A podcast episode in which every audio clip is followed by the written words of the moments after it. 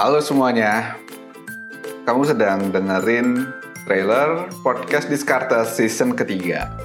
Di season ketiga, gue akan angkat ide-ide dari tokoh-tokoh ya, investor, pebisnis, pokoknya mereka yang sudah berjasa untuk evolusi inovasi di dunia.